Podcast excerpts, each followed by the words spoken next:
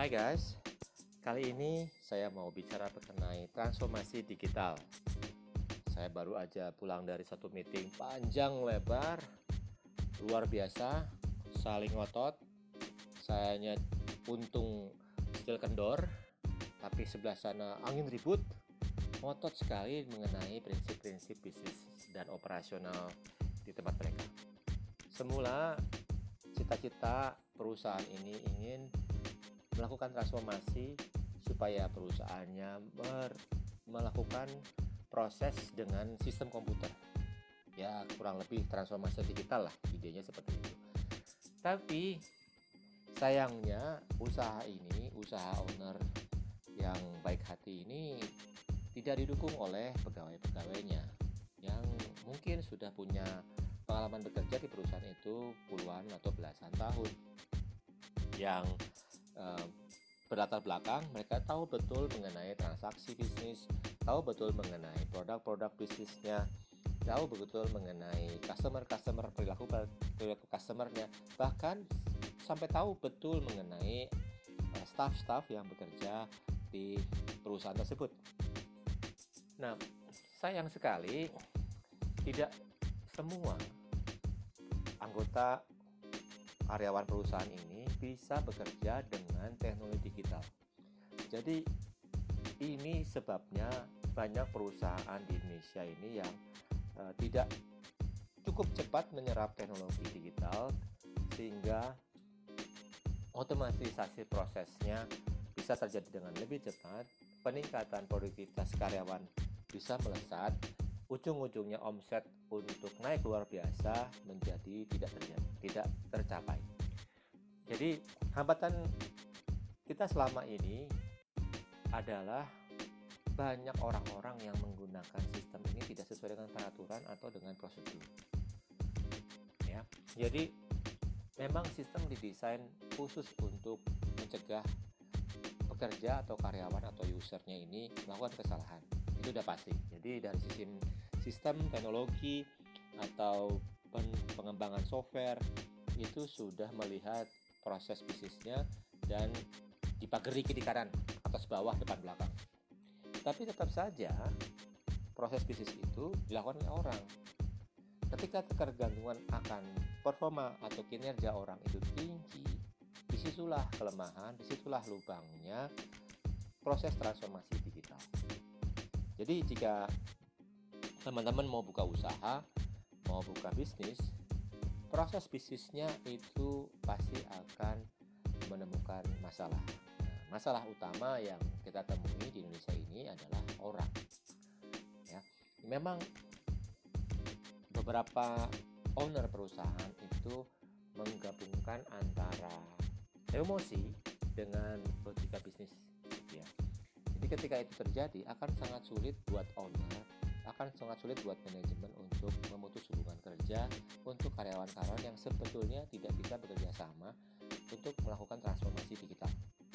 Inilah yang menjadi penyebab kedua kenapa transformasi digital sulit untuk terjadi. Di sisi lain, ketika ada orang baru terjadi atau direkrut, ketika ada orang baru direkrut, eh, orang tersebut akan membawa kebiasaan kebiasaan lama dari perusahaan sebelumnya. Si pegawai baru ini belum tentu bisa beradaptasi dengan teknologi yang sedang dijalankan ini karena dia tidak mengikuti proses pengembangan aplikasi atau software yang sudah ada. Bisa jadi ketika orang ini khususnya yang punya otoritas tinggi masuk dalam organisasi perubahan-perubahan akan dilakukan. Ya, memang akan lebih mudah untuk melakukan perubahan ketimbang menyesuaikan perubahan. Ini juga yang menjadi penyebab sulitnya perusahaan untuk melakukan transformasi digital. Semakin sering orang berganti, semakin sulit transformasi digital bisa tercapai. Isu kelima adalah masalah biaya. Masalah klasik tapi terjadi di hampir setiap bisnis hampir di setiap organisasi. Jadi, untuk mengembangkan teknologi itu bukan perkara murah.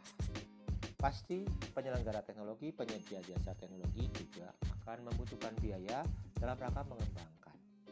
Nah, perlu diingat bahwa proses pengembangan, siklus pengembangan aplikasi itu tidak overnight atau terjadi semalam. Pasti ada tahap-tahapnya. Misalnya, tahap pengembangan kebutuhan, tahap konfirmasi kebutuhan, kemudian pengembangan aplikasi dengan program, testing, implementasi, dan maintenance. Jadi ada banyak tahap. Nah, jika peserta atau karyawan dari perusahaan itu tidak mengikuti sistem development life cycle atau tahapan pengembangan ini, berulang-ulang sistem harus dikembangkan, dikoreksi, dinyatakan salah, dipersalahkan, dipermasalahkan. Ini yang akan menghambat proses transformasi digital akan terjadi dengan baik. Seolah-olah perusahaan itu bergerak di tempat yang sama, tidak berjalan di, apa berjalan di tempat saja, nggak maju-maju. Problemnya itu itu aja. Ya itu terjadi karena uh, proses pengembangan tidak dilakukan sebagaimana mestinya. Ambil contoh, ketika pengembangan kebutuhan, pengembangan dan konfirmasi kebutuhan bisnis itu tidak dilakukan secara jujur dan lengkap. Sehingga ada proses-proses bisnis yang tidak tertangkap oleh penyelenggara jasa teknologi, sehingga ketika dikembangkan dalam bentuk program atau aplikasi, ada proses bisnis yang ketinggalan. Nah, ketika diimplementasikan atau ketika dicoba, proses ini hilang dan ternyata tidak jalan. Akibatnya, aplikasi tersebut tidak bisa dipakai karena ada proses bisnis yang kurang. Dengan demikian, ketika kesalahan terjadi waktu testing, proses pengembangan kebutuhan bisnis itu harus diulang lagi. Gitu ya. Memang sekarang ada teknologi agile untuk mengatasi hal ini sehingga proses pengembangan dan implementasi bisa dipersingkat. Tapi tetap saja, ketika ini terjadi, tetap harus ada effort untuk melakukan siklus itu dari depan. Nah, ketika siklus itu terjadi, diulang lagi, biaya akan muncul. Dengan demikian, biaya tidak bisa dihindari. Oleh karena itu, untuk perusahaan-perusahaan yang ingin melakukan transformasi digital, sebaiknya dapat melakukan perencanaan teknologi, perubahan teknologi, proses bisnis yang baru, bahkan perencanaan alokasi tenaga kerja itu bisa dilakukan di depan. Sehingga perancangan perubahan bisa diantisipasi di depan. Untuk penyelenggara jasa teknologi yang baik, mereka harus melakukan konsultasi, melakukan uh, penjelasan yang selengkap-lengkapnya memberikan edukasi yang sebaik-baiknya kepada owner atau manajemen perusahaan sehingga mereka tahu betul resiko yang harus dihadapi. Setiap orang mereka memiliki keterampilan, pengalaman, dan pilihan bekerja masing-masing. Hal ini perlu diantisipasi sehingga ketika sistem baru ditempatkan, orang ini harus terlibat dalam proses pengembangan. Ketika mereka terlibat dalam proses pengembangan, ketika implementasi sistem, orang ini akan sangat mendukung proses yang uh, baru sehingga ketika ada, ada perubahan otomatis akan membuahkan hasil dengan kata lain produktivitas efisiensi bisa dicapai akibat penggunaan aplikasi atau software baru tersebut. Nah, bisa jadi orang-orang ini perlu biaya lebih mahal. Buat saya, ketika orang yang bekerja dengan aplikasi tidak harus sebanyak sebelum aplikasi diimplementasikan. Karena apa? Karena aplikasi itu membantu otomatisasi. Ketika dulu Anda memerlukan pegawai rendahan atau administrasi 10 orang, dengan sistem Anda mungkin perlu satu orang yang bisa melakukan banyak hal sebanyak 10 orang administrasi tadi dengan lebih baik memang Anda akan membayar lebih. Gaji satu admin pasti akan lebih rendah daripada gaji satu orang yang uh, levelnya lebih cerdas tadi untuk mengerjakan sistem otomatisasi. Nah, tapi kita harus hitung 10 lawan 1. Bisa jadi ada efisiensi biaya di situ. Oke. Kedua, ketika ada pengembangan aplikasi, proses bisnis harus digambar di depan jauh-jauh hari. Ketika itu, konfirmasi atau pengembangan proses bisnis untuk dibangunkan sebuah aplikasi itu harus lengkap. Dengan demikian, eh, kebocoran biaya akibat tidak efisiensinya pengembangan sistem bisa dihindari. Nah, untuk itu Anda perlu orang lagi. Kembalilah ke orang-orang yang memang punya pengalaman dan punya dedikasi untuk pengembangan sistem. Oke.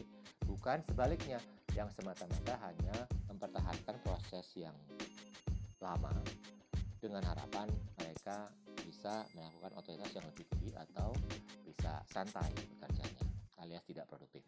Nah, mungkin ini bisa menjadi solusi buat teman-teman yang ingin melakukan transformasi bisnis.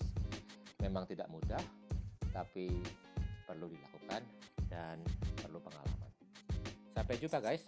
Kita ketemu dengan topik-topik yang lebih baik, lebih menarik di kesempatan lain. Bye.